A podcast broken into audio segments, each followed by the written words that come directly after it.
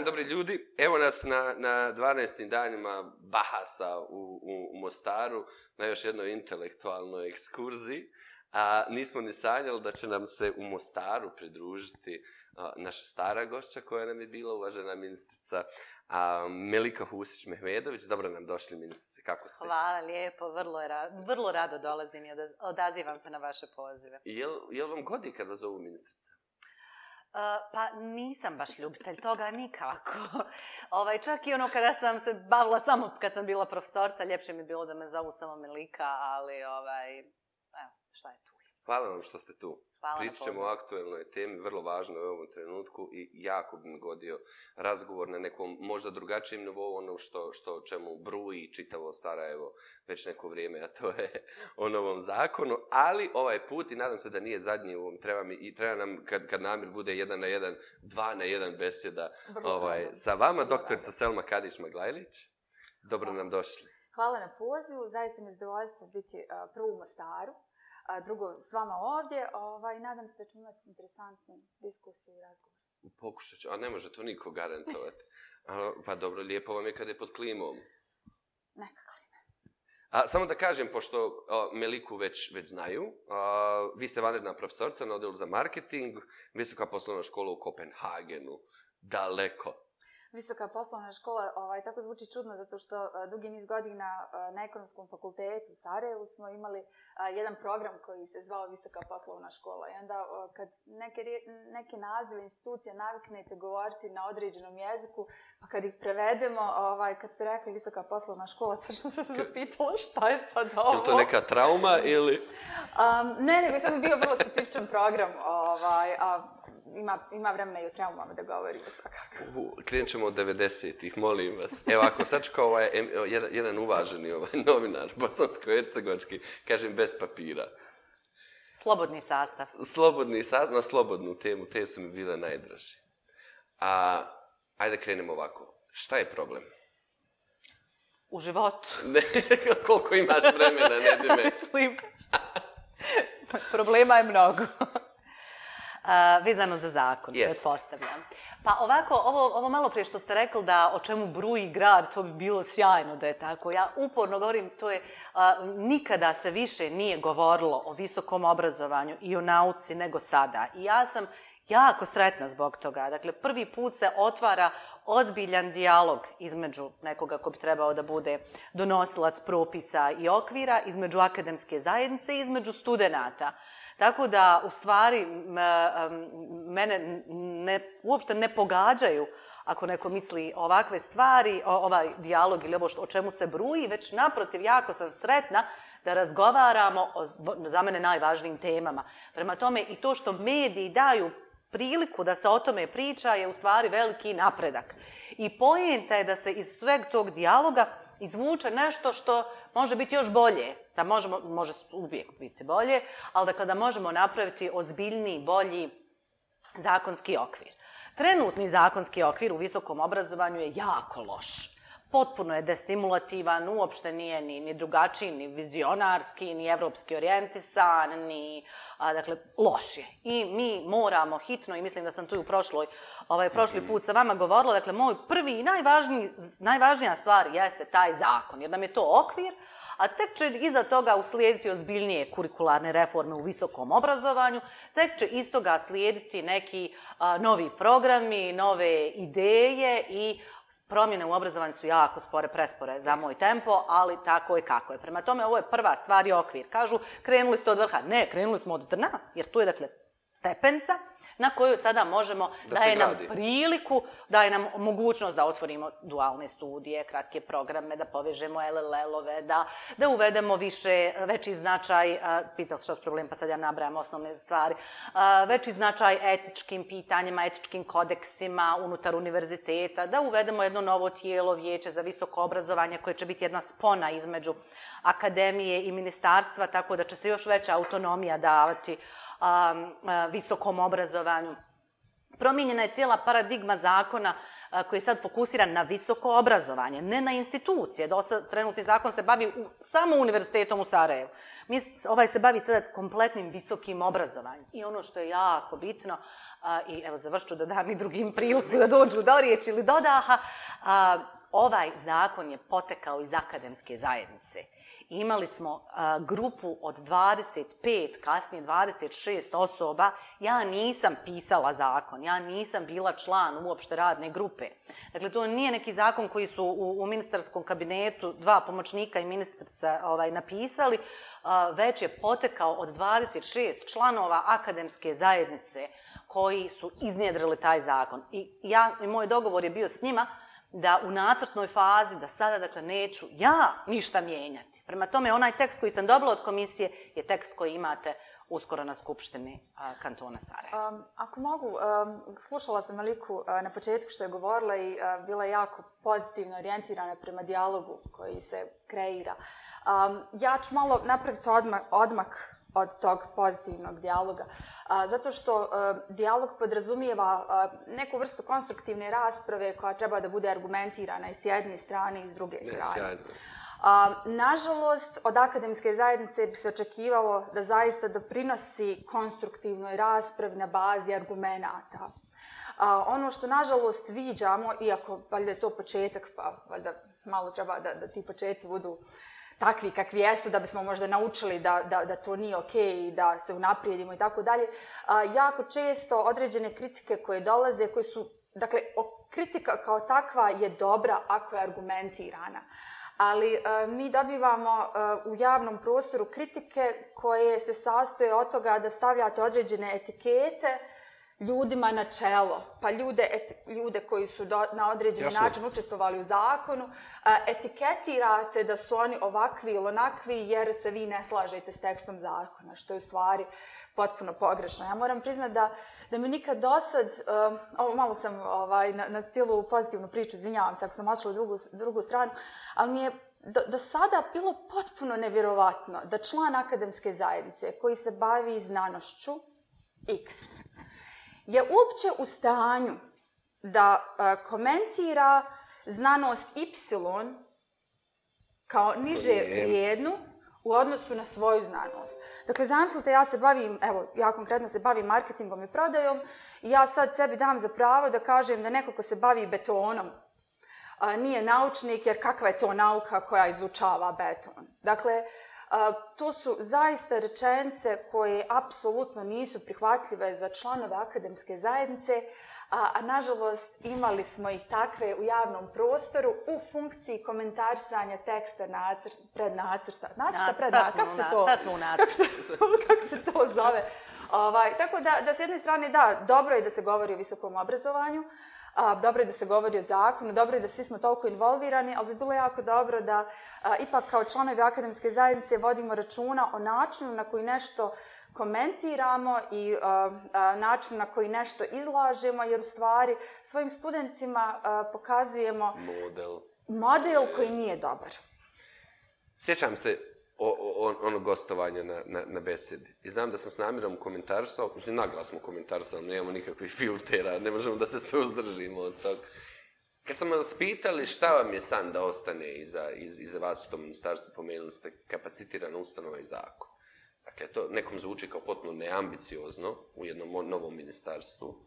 Nama je zvučalo kao, kao najrealniji posljedatni plan u Bosni i Hercegovini. Mi smo bili toliko optimistični oko toga.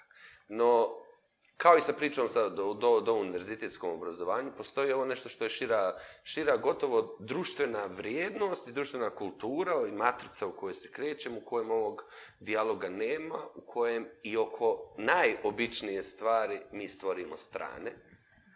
I ja mislim da iz te želje za dijalogom ni, ni, nikad nismo dobili taj, taj, taj, taj stvarni dijalog u kojem se ovom, o kojem se ovo moglo razgovarati. Koje su sad strane unutar ove priče?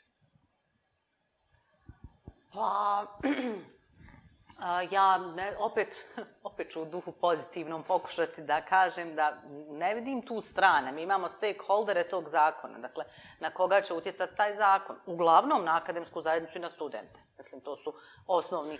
I jedni i, i drugi ljuti na vas. Pa ne znam, ne znam da li bih mogla to tako okarakterisati. Oni koji se ne slažu sa rješenjima su glasniji od onih koji se slažu sa ovakvim rješenjima. Još jednom da naglasim da nisam ja bila ni član komisije koja je pisala zakon, ali sam se ja sada prihvatila i srodila se s njim zato što su me zato što sam shvatila kroz diskusiju, i to sam ponavljala, sva ova diskusija u javnom prostoru se već desila unutar radne grupe. Oni se, Vaselma će posvjedočiti, do, do tri ujutro znali da raspravljaju o svim ovim temama koje sada čujete u javnoj raspravi i upravo je zato pojenta što zakon nije pisala grupa mojih istomišljenika nego, je, e. nego su ljudi koji su već raspravljali o tome. Prema tome, nijedno pitanje se trenutno nije otvorilo koje ja nisam očekivala. Dva ključna pitanja koja se trenutno problematiziraju jeste pitanje napredovanja akademskog osoblja i pitanja prelaska studenata iz godine u godinu.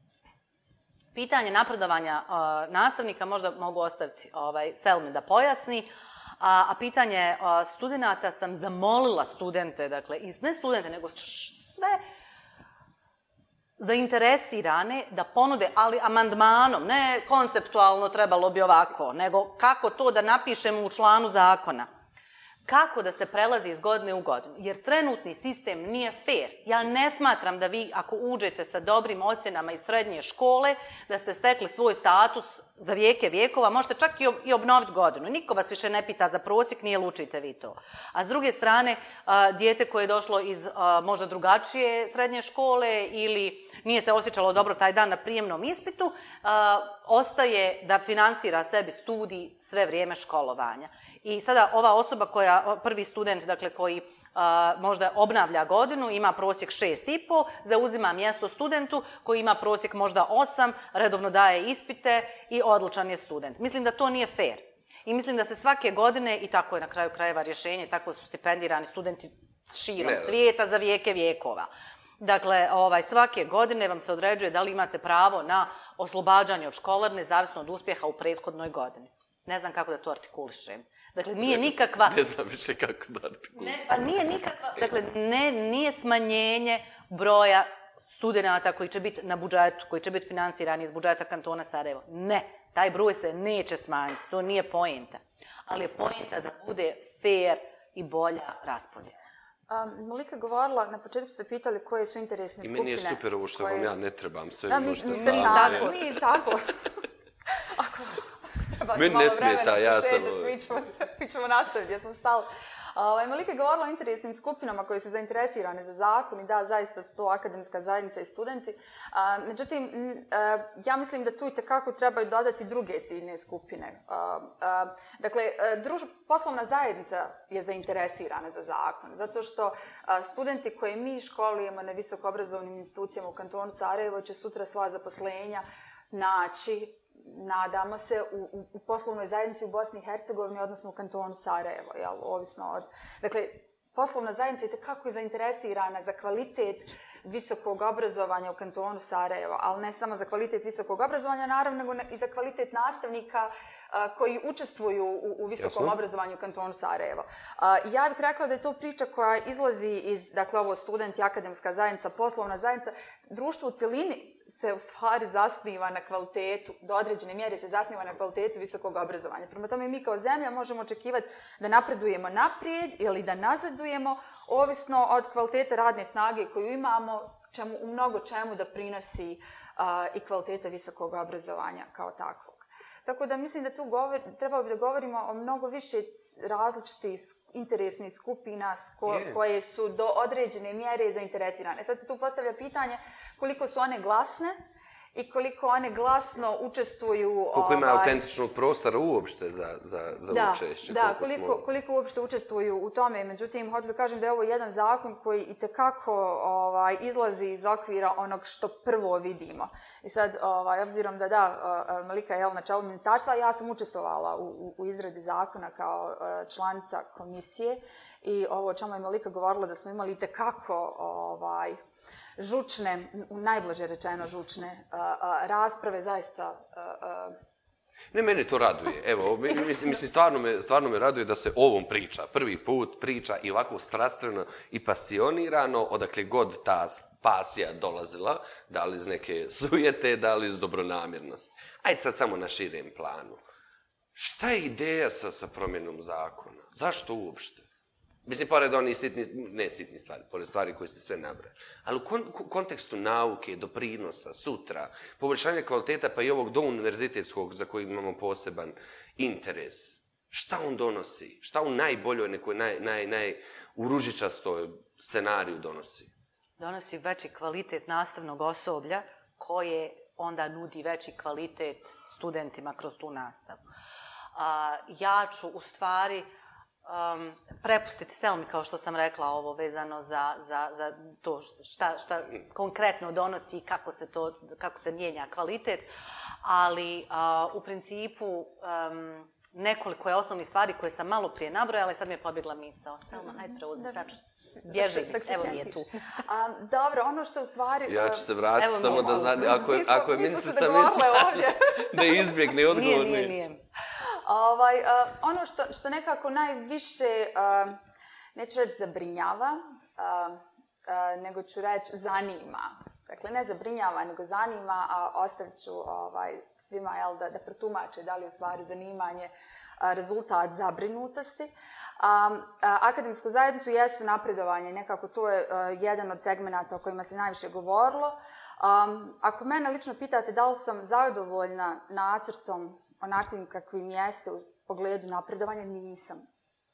Zato što ti kriteriji treba da budu mnogo stroži, mnogo zbiljniji. A, I a, ovo što imamo je i dalje zaista nedovoljno. A e, reč, ispričat ću vam zbog čega. A, pri par godina je dolazio a, jedan šved, sad, ko se sjeti, ako pogriješim, izvinjavam se, ali pokušat ću onako da prefraziram.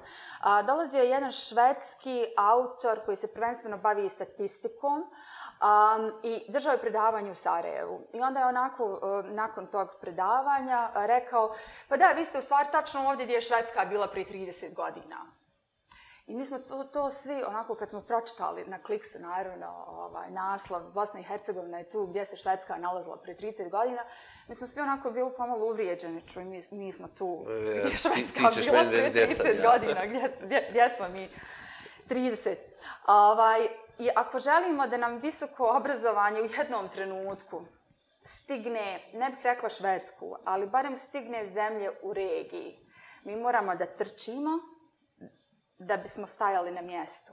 A sa promjenama koje imamo u ovom zakonu, mi smo se, odnosno u nacrtu zakona, mi smo se pomjerili jedan korak naprijed. Međutim, taj jedan korak naprijed neće činiti u dugom roku veliku razliku, osim ukoliko ne budemo spremni da stalno koračamo naprijed. Ali evo mi se i oko tog jednog koraka naprijed ovaj, toliko ono, borimo, nemoj, nemoj, tako, to je preveliki korak. Može li malo manje? Kao ono, znate, miši. Može li malo? E sad, o čemu se zapravo radi sad kad sam napravila ovaj, ovakav uvod? A, dakle, radi se o tome šta neko treba da ispuni da bi, pa recimo, na primjer, bio a, ili bila a, docent ili docentica u, u, na, u, u kantonu Sarajevo, neću reći na univerzitetu Sarajevo, nego u kantonu Sarajevo. I recimo, smo. ne znam, u Hrvatskoj, bilo kojem, ovaj, na bilo kojem univerzitetu. Dakle, radi se o tome da, da je okvirni zakon u Bosni i Hercegovini, zakon, okvirni zakon u visokom obrazovanju za BiH je propisao neke minimalne kriterije. I taj zakon je propisao neke brojeve, dakle neki broj radova, tipa u konkretnom slučaju tri. Dakle, vi trebate da napišete tri rada da biste bili docent, docentica na, u kantonu Sarajevo između ostalo. I onda ovaj zakon koju novinu uvodi? Kaže, ok, i dalje trebaš da napišeš šta tri rade, ne možemo to mijenjati, to je okvirni zakon. Pored toga trebaš i da imaš neke projekte i sve to što okvirni zakon predviđa. Ali evo taj jedan rad, od ta tri, jedan, jedan nek bude u ovim velikim bazama podataka. Dakle, niko ne kaže da bude u ovom časopisu koji ima faktor utjecaja 2,2 ili 8,2 ili 5. Dakle, ne, nego kaže da bude u ovim bazama. U tim bazama Jasno. postoji različite faktori utjecaja. Dakle, ostavlja se jedna širina da vi dalje na, i proberete gdje smatrate da vaše istraživanje treba da bude objavljeno. Šta time dobivamo? Dakle, s jedne strane dobivamo da imena naših autora se pojavljuju tamo gdje se pojavljuju imena autora diljem svijeta. A s druge strane, ono što dobivamo, dobivamo, dakle, mi, posebno ljudi koji radi na javnom univerzitetu, a, bi trebali da imamo i određenu odgovornost prema univerzitetu. Jer sve dok nam univerzitet ne dođe na određene liste kvalitete, kao što je šangajska lista ili neke druge liste, a ne ove palme s kojima se stalno hvalimo, univerzal, palme, koje koliko puta... Sve... Napravit ćemo mi neku listu. Dakle, a, dakle dođemo do, do šangajske liste. Šang, izmed, jedan od kriterija jeste koliko vaši nastavnici objavljuju u određenim bazama podataka. Um, ono što je, što s druge strane zakon, nacrt zakona prepoznaje, kaže sljedeće. Ako postoji određena, određena grana koja je jako specifična, Ehm, međutim, vi tu specifičnost morate dokazati. Dakle, imate način mjerenja, način provođenja istraživanja, um, prikupljanja literature, nešto što je bitno drugačije od svega ostalog. Dakle, morate dokazati da nešto u vašoj metodologiji ili dolaženju do naučne spoznaje je zaista bitno drugačije. Vi onda imate mogućnost da napravite određenu vrstu izuzetka, jer dokažete da vi nešto radite bitno drugačije, da ta grana radi bitno drugačije, da možda za tu granu ne postoje časopisi u tim bazama koje imaju uh, 40.000. Dakle, među 40.000 časopisa vi baš ne možete naći ni jedan. Ni jedan. Ovaj, vi možete da napravite određeni izuzetak, ali to nije izuzetak koji smo sjeli vi i ja ovaj, odlučili, nego to je ipak određena procedura kroz koju se mora proći. Dokazati. Dakle, mi tu govorimo da u pet godina sad da, jel, na, neko ko, ko, ovaj, ko se bavi naučno-istraživačkim i naravno uh, edukativnim radom, dakle, pet godina ta osoba treba svakako da objavi tri rada. Od ta tri, jedan. Jedan mora biti jedan unutar toga. Treba da Jasne. bude među ovih 55.000. Um, I onda sad dolazimo do, sad ja sam uzela primjer docenta ili docentice, mm -hmm. slična priča je za vanrednog profesora ili profesorcu, redovnog profesora ili profesorcu. Ovaj, I onda nekako, do, jako je porazno da sad mi diskutujemo da li je taj jedan rad zaista moguće ili nije moguće. Čitava se rasprava svela samo oko toga. A, nažalost. Od čitavog zakona mi smo samo bavimo tim. Na, pa nažalost ili na sreću. A ovaj, ja, malo mi je žao ovaj, što, što, što, se, što od 183 člana mi samo pričamo o jednom i to kako je meni, kako je meni kao akademskom osoblju, trebamo li mi šta dodatno, nemojte da se mi opterečavamo previše. Ali željela sam, ovaj, sjetila sam se što sam htjela da kažem, kada je Selma rekla da moramo malo potrčati, dakle, ovo nam je posljednji poziv za buđenje. Ovo nam je stvarno posljednji poziv e, koji, to interesuje. ponavljam, zakon ne radi ništa od toga. Zakon stvara okvir i malo nas tjera. Ako mi svi, i to ponavljam ja ovih par mjeseci od početka, svi moramo raditi malo više ako želimo da nam bude malo bolje. Ne možemo raditi manje, a očekivati da će nam biti bolje. Pa tako, hajmo svi krenuti od sebe vidjeti šta to ja više mogu raditi. Nastavnici u okviru sebe, studenti u okviru sebe. Dakle, šta je to što možemo raditi više, bolje, drugačije. A, zašto nam je ovo posljednji poziv, ako ga već nismo i propustili? Um, na naš, naš region, ja kad sam krenula imala sam ideju mi ćemo da učimo od Beča i od Slovenije, pa sam se onda vrlo brzo spustila na zemlju, pa hajmo da vidimo što je Zagreb, Beograd, onda sam se još spustila na zemlju. Vidjela sam da Novi Sad stič nećemo za tri života, a posljednji mi je kada, sam, kada se ukazao univerzitet u Kragujevcu, a, ima ta šangajska lista do 1000, onda ima do 2000 po jednom kriteriju, dakle, univerzitet u Kragujevcu se tu ukazao, univerziteta u Sarajevu nema na mapi. Znači, ako hitno ne potrčimo, a i ako potrčimo nisam sigurna, ali ono što sam 100% sigurna je, ako ostanemo ovdje, nemojte da se nadamo da će nam biti bolje. I uh, imate jedna vrlo interesantna stvar. Uh, uh, koliko god nekad volimo da kažemo da su neke stvari nemjerljive, uh, mnogo toga je zaista mjerljivo. Uh, I uh, krenut ću od, od dva argumenta. Dakle, prva stvar je uh, prije, prije samog predlaganja uh, uh, teksta zakona, nije to došlo ono, evo malo tekst. Dakle, ipak je neko i tekako proveo vremena u istraživanju, analiziranju i tako dalje. Ono što uh, pokazuju najnovija istraživanja u časopisima vrhunske kvalitete, dakle od 55.000 pa oni gore, da je u stvari akademsko osoblje prvenstveno, e, dakle može biti motivirano intrinzično i ekstrinzično. I ono što je vrlo interesantno jeste da motivacija akademskog osoblja za publikovanjem posebno na nivou docenta, docentice, vanrednog profesora, profesorce, je prvenstveno ekstrinzično motivirano. Dakle, um, ili uh, određenim uvjetima za napredovanje, Tako. ili određenim finansijsko, finansijskom dodatnom uh, podrškom u smislu nekih research uh, budžeta koje je moguće iskoristiti za istraživanje, dok na nivou redovnog profesora u profesorce ta motivacija je intrinzična. Prema tome, ta priča ovaj, ako imamo zakon koji nas gura, mi smo pod stresom. Biće nam teško. Na zakon pritišće i mi ne znamo kako ćemo, ne pije vode. Zato što jedini način da ljudi idu naprijed, barem u smislu ovom akademskom, u smislu proiz, fokusiranja na kvalitetna istraživanja, na kvalitetne znanstvene spoznaje koje mogu biti objavljene u kvalitetnim naučnim radovima, kroz vrlo rigorozan recenzijski proces i tako dalje, je kroz, između ostalog, ekstrinzičnu motivaciju. Dakle, ako želimo da potrčimo, moramo imati neku normu koja nas gura. To je jedna stvar. A druga stvar, ovo o čemu je Malika govorila, ovaj, da nam je malo zadnji voz, um, a, to onako zvuči kao zadnji voz, ali, ali bilo ko, posebno u akademskoj zajednici, a, ko ima pristup Scopus a, bazi, a znam da imaju, barem na Univerzitetu Sarajevo, svi obzirom da kanton Sarajevo a, plaća velike novce za, za takvo što, ukoliko ukuca poređenje univerziteta, dakle, uh, ono što sam ja radila, ja sam radila analizu univerzitetu Sarajevu, uh, univerzitetu Podgorici, jer je kao to tu negdje, univerzitetu Rijeci. I onda sam gledala uh, publikacijski output po tim univerzitetima, međutim, mnogo više me zanimala međunarodna saradnja.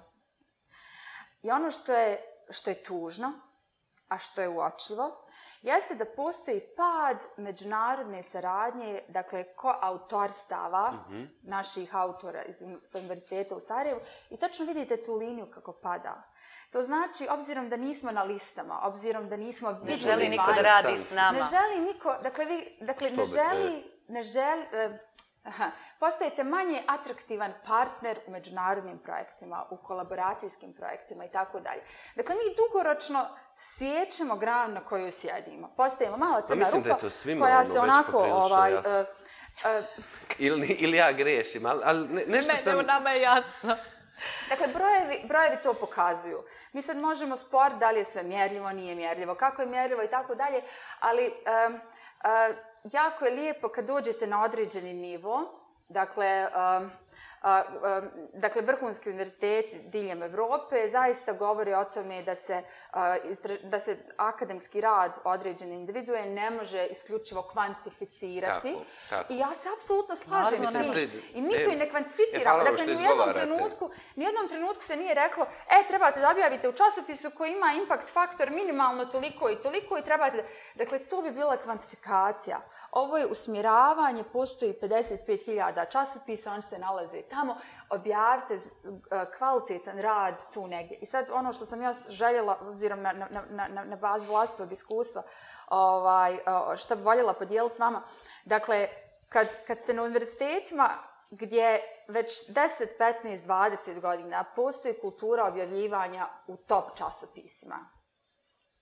Dakle, kad imate akademsko osoblje koje svo objavljuje tamo gdje treba da objavljuje, ali ne u 55.000, nego to obično se da lista od 10, 10 časopisa i vi iz određene oblasti objavljujete u tih 10, jer to je 10 tih najboljih i to je to što se čita. Pika i čita i čime imate dalje utjecaj u društvu, dakle ostvarujete impakt i tako dalje. E onda na takvim univerzitetima zaista sad se govori da je mnogo bitni uh, uh, društveni utjecaj, tako. a ne taj impakt. Jedan. Međutim, interesantno je kako se društveni utjecaj ostvaruje.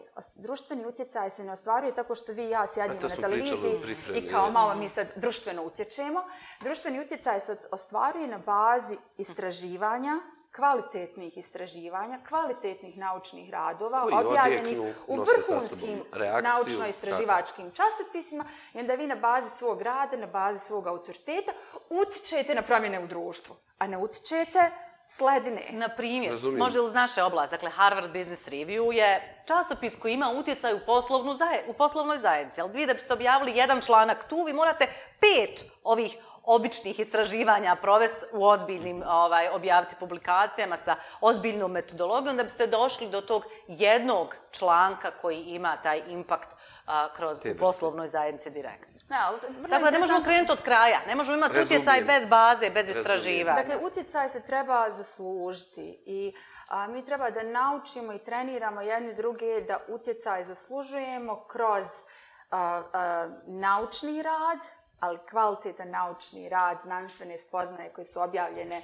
u vrhunskim časopisima s jedne strane i naravno na inovativne nastavničke prakse koje imamo sa studentima. Dakle, ili tu ili tu. To što je neko jako aktivan u projektima, to što radi policy papere, to što je jako često angažiran kao konsultant vlada i tako dalje.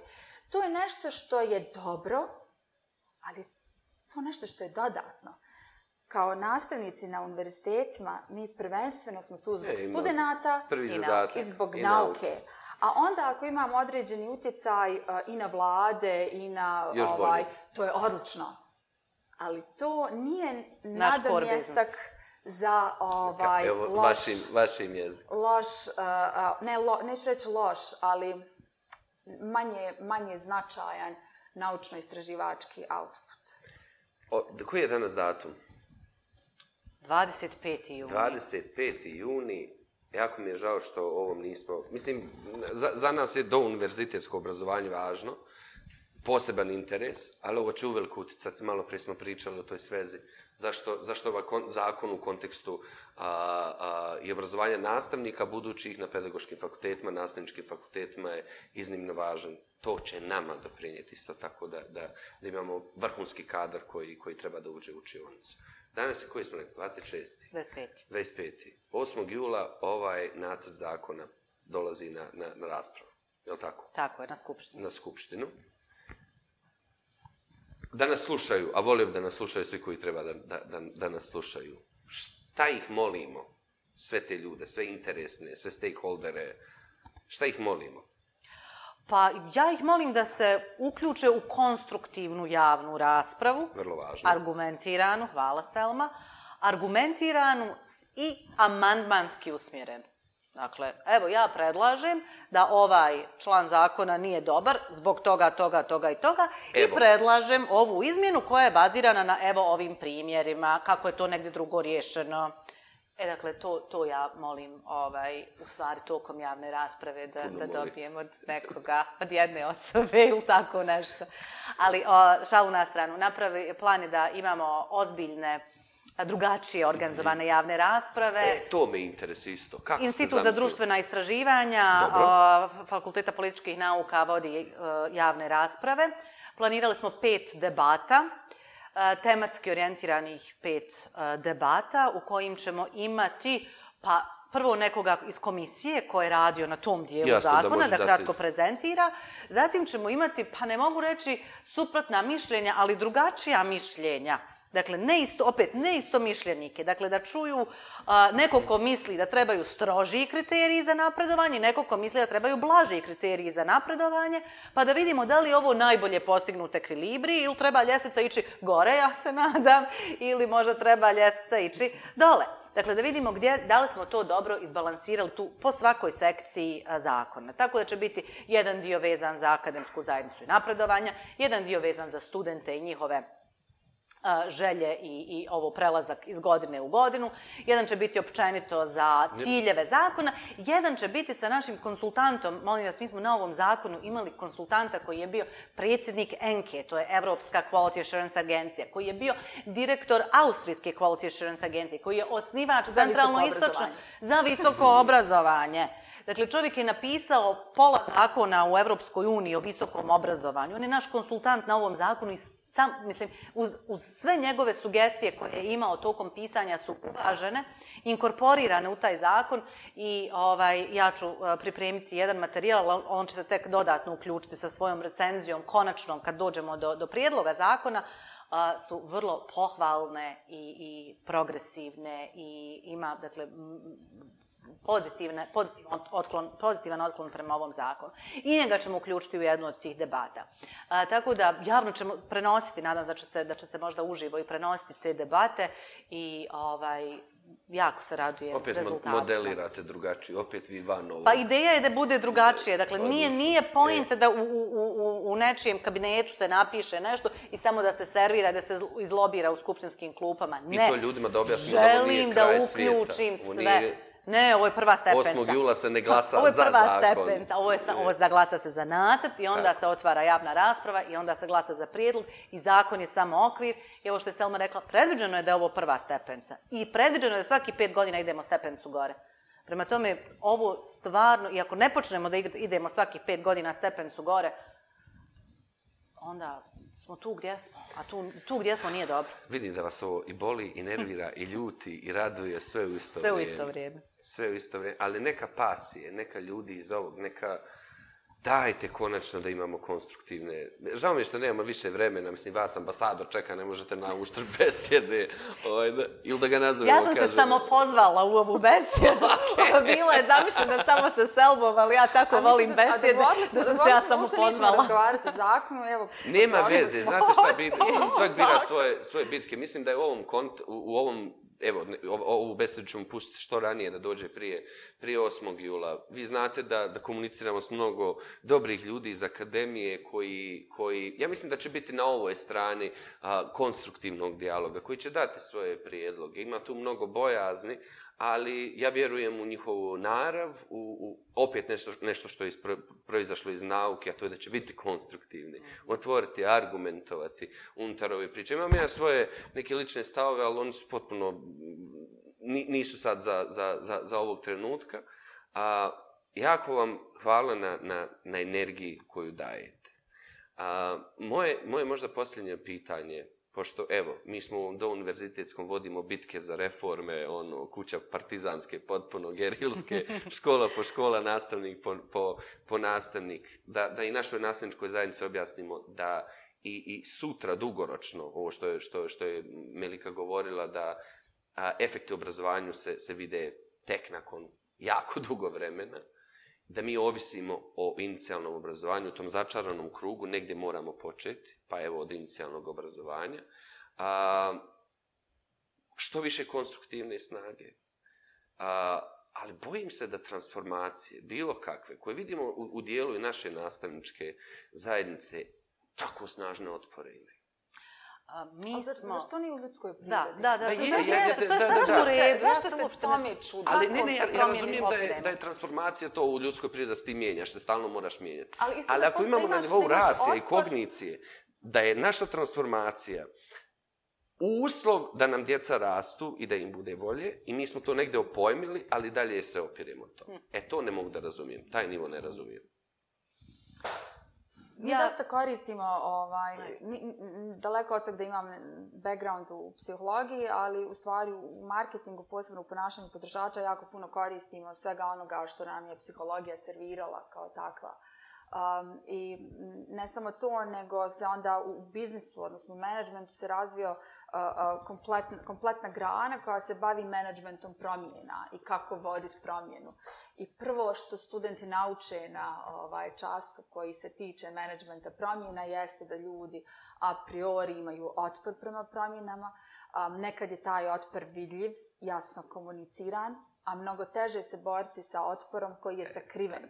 Dakle, čak ovaj uh, jasno komunicirani, vidljivi otpor je nešto s čim vi možete ovaj, izaći na kraj. Međutim, ono što je problem jesu oni uh, uh, pasivni otpori gdje vi ne dobijete jasnu sliku otpora. Prema tome, to je nešto što učimo u knjigama. Yes. Dakle, Mene isto, svaka promjena uh, uh, ima za reakciju otpor. I to je tako. Tako je, o, ovaj, upravo to. Zato mene pretirano ne sekira. Mislim, bilo bi čudno da je drugačije. Bilo bi čudno da nema otpora, nema o, komentara, super, zakon, nek ide. super, odlično, nek ide, a jel se provodi, nikoga ne provodi, pa jel radite, pa o njemu ne radimo i tako dalje. Dakle, to je sasvim u redu. A ja bi samo još i s tim ću završiti, onda odosmo, a ovaj, vi sjedite dalje.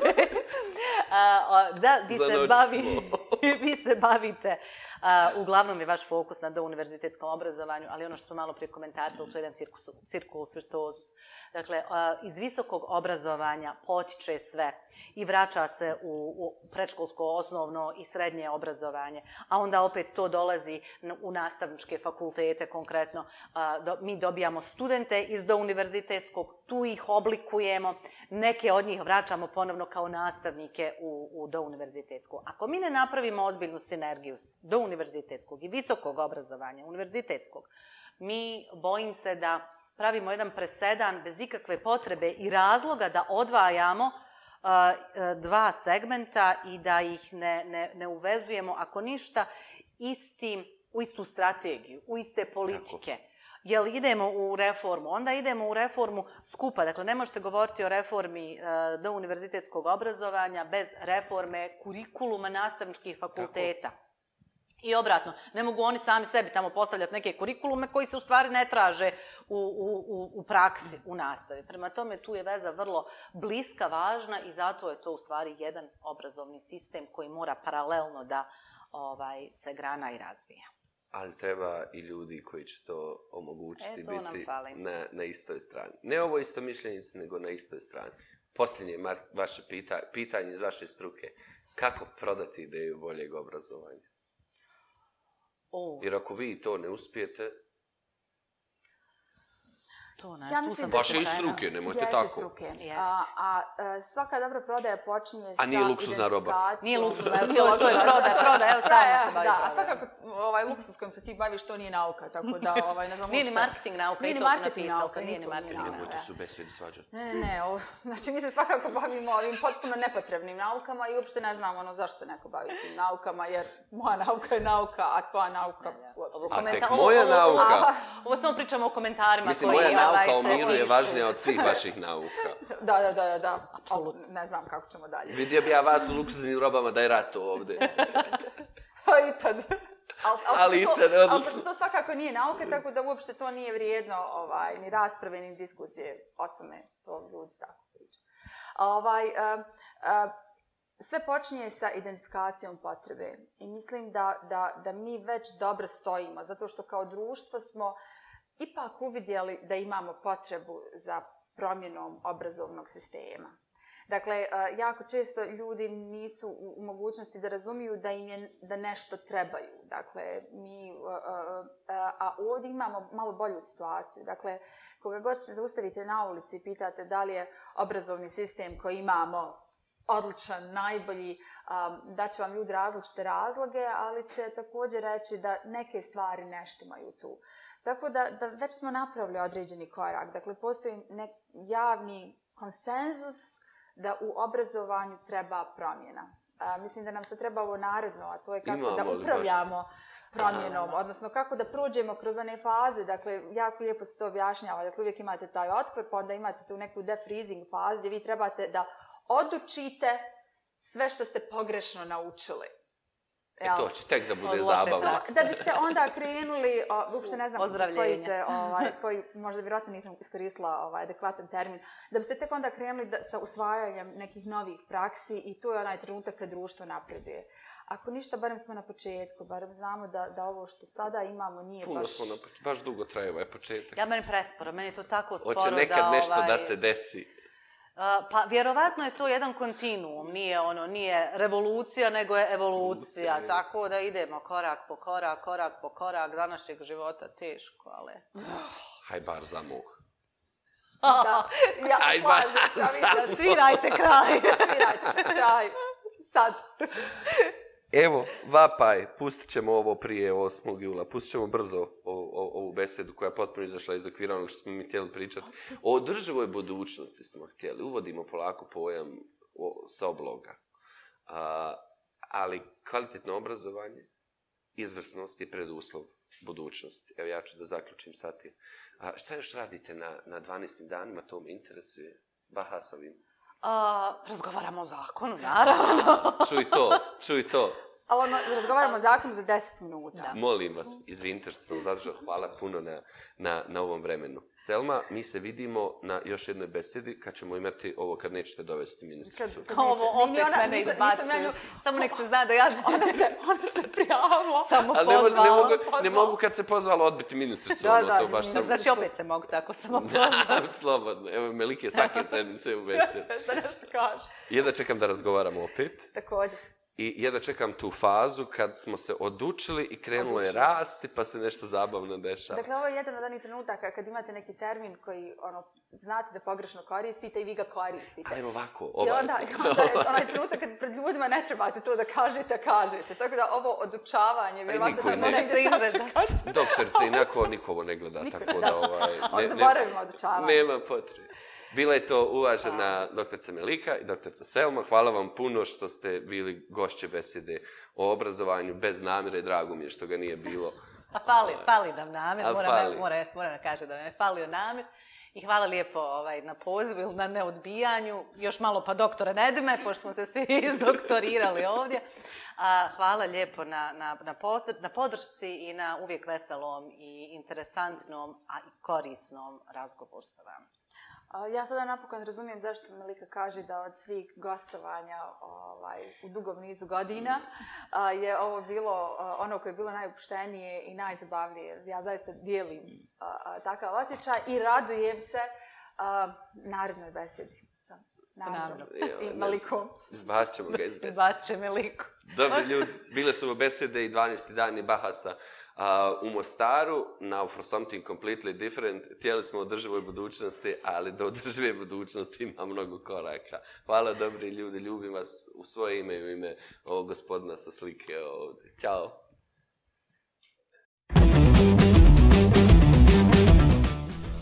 Večera ste nas gledali, možda drugi put nećete. Ono što je preduvjet da biste nas pogledali, da biste nas vidjeli, Nedime je Subscribe, odnosno preplatite se na naš kanal na YouTube.